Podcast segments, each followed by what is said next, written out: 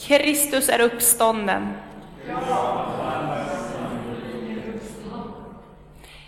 Det är ju tredje dag påsk idag. En dag som var arbetsfri helgdag länge till dess att eh, arbetsgivaren arbetsivern och girigheten eh, snarare än Luther drev den bort. Ja, tycker att det är lite intressant att tänka på ibland om man tänker på hur hemskt många, alltså väldigt, väldigt många kyrkliga festdagar utan arbete som vi hade före alla helgdagsreduktionerna. Och så tänker man på den tiden, då var ju inte lördag en arbetsfri dag, så om vi drog in lördagarna då skulle vi ha råd till alla de här kyrkliga festerna som vi har blivit tvingade att avstå. Vi skulle kunna ha fjärde dag jul och fjärde dag påsk och allt det här. Men det skulle ju göra det lite hattigare förstås med ledigheten. Men det är ju ändå gott att det råkar vara en tisdag så att vi får fira tredjedags påsksmässa. I en mening är det ju fortfarande påskdag eftersom oktaven, den åtta dagars firningsperioden för alla stora högtider, gör att det den är åtta dagar lång, precis som bröllopen i sagan.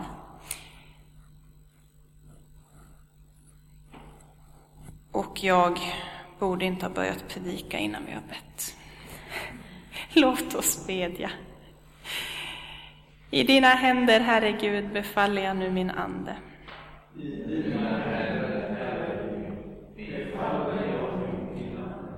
Du förlossar mig, Herre, du trofaste Gud.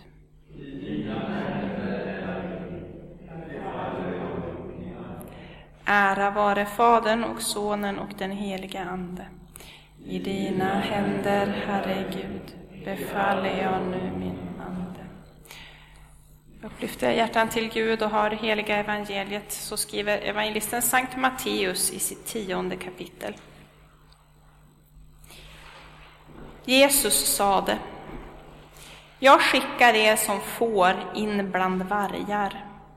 Var därför kloka som ormar och oskyldiga som duvor. Akta er för människorna. De skall utlämna er åt domstolar och de ska piska er i sina synagogor. Och ni kommer att ställas inför ståthållare och kungar för min skull och stå som vittnen inför dem och hedningarna. Men när man utlämnar er, bekymra er då inte för hur ni ska tala eller vad ni ska säga. Ty i det ögonblicket kommer det ni ska säga att läggas i er mun och det är inte ni som talar, utan er faders ande talar genom er. Broder skall skicka broder i döden och en far sitt barn. Barn skall göra uppror mot sina föräldrar och bringa dem om livet. Ni ska bli hatade av alla för mitt namns skull, men den som håller ut till slutet ska bli räddad. Om man förföljer er i den ena staden, så fly till nästa. Sannerligen, ni hinner inte till alla städer i Israel förrän Människosonen kommer. Lärjungen är inte för mer än sin lärare och tjänaren inte för mer än sin herre. Lärjungen ska vara nöjd om han får det som sin lärare och tjänaren om han får det som sin herre. Om man har kallat husets herre för Belsebul kan då hans husfolk förvänta sig något bättre. Så lyder det heliga evangeliet. Lovad vare du, Kristus.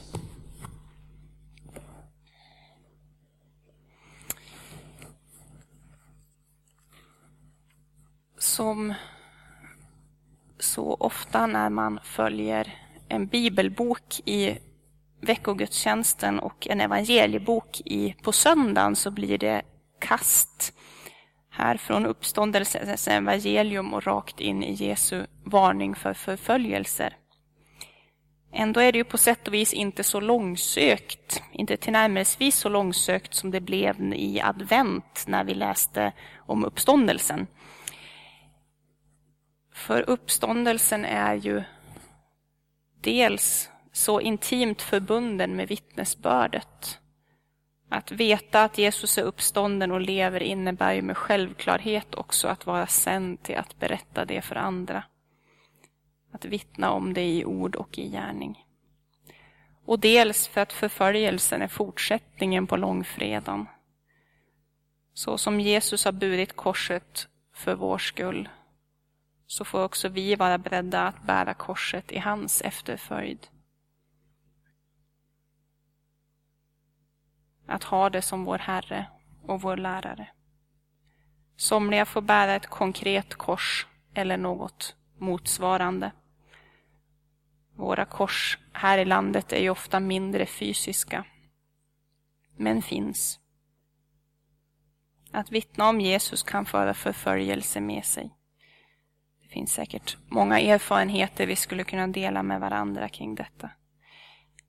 Jesus talar ju inte om det för att skrämma lärjungarna, utan för att förbereda. När de står inför domstolarna ska de få orden lagda i munnen på sig. Det löftet gäller inför rätta. Det gäller ju inte i alla sammanhang. Inte varje gång man predikar eller varje gång man berättar i alla möjliga vardagliga sammanhang kan man ju lita på att det bara ska komma precis i stunden. Vi är ju också hänvisade till att läsa Guds ord, att förbereda oss, att rusta oss för vittnesbördet.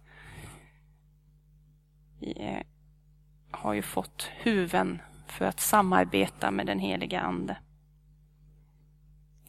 Men samtidigt finns löftet att när det verkligen bränner till, då ska Gud inte lämna oss i sticket. Vi ska inte behöva stå svarslösa inför världens domare. Och apostlarna höll ju också många av sina mäktigaste anföranden just i domstolssammanhang. Sen hör ju förföljelsen och vittnesbördet ihop på det sättet att förföljelsen i sig är ett vittnesbörd. Aldrig har kyrkan väckt växt så snabbt som när, som när världen skördat många martyrer. Det ser vi ju bakåt i kyrkohistorien och det ser vi ju också idag på de platser där kyrkan har det kärvt. Där växer hon på något underligt vis i alla fall. Kyrkan växer i Iran, kyrkan växer i Kina. Martyrernas blod är kyrkans bästa utsäde, sa man ju av gammalt.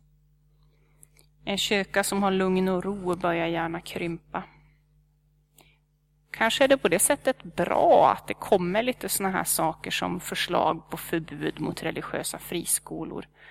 Jag tror inte att just det har någon större utsikt att bli ett konkret hot, men det kanske väcker lite stridsvilja ändå i den svenska kristenheten. Det kanske är bra för oss att få höra sånt ibland. Jesus talar inte för att skrämma utan för att förbereda, men också för att uppmuntra. När de svåra sakerna träder in. När familjer ställs mot varandra som han tecknar och som ju också händer. Då ska lärjungarna ha och tänka tillbaka på att Jesus visste det här. Och ändå sa han inte åt oss att ge upp.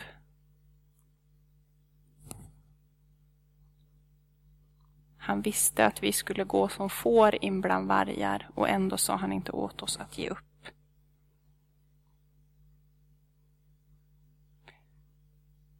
Och för den som får möta att far eller mor eller bror eller syster eller en nära vän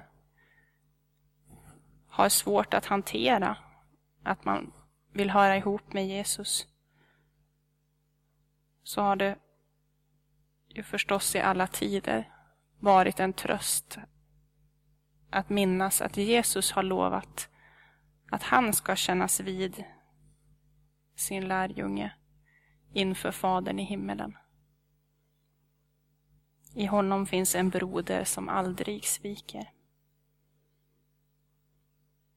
Och hur tungt korset än kan falla så har Jesus burit ett tyngre kors.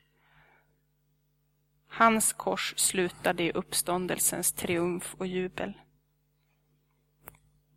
Och det är inte bara i förföljelsen som det ska gå lärjungarna som deras lärare och tjänarna som deras herre. Varje kors som bärs av Jesu lärjungar här på jorden ska också sluta i triumf och jubel vid uppståndelsens morgon. När vår påskdag gryr.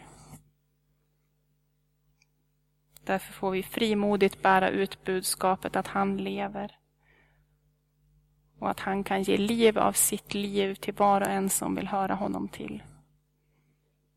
Evigt liv. Starkare än världens hot. I stormar och strider hans kyrka består, sjöng vi i salmen. Dödsrikets portar ska aldrig bliva henne övermäktiga. Det har Jesus lovat. Låt oss be och bekänna.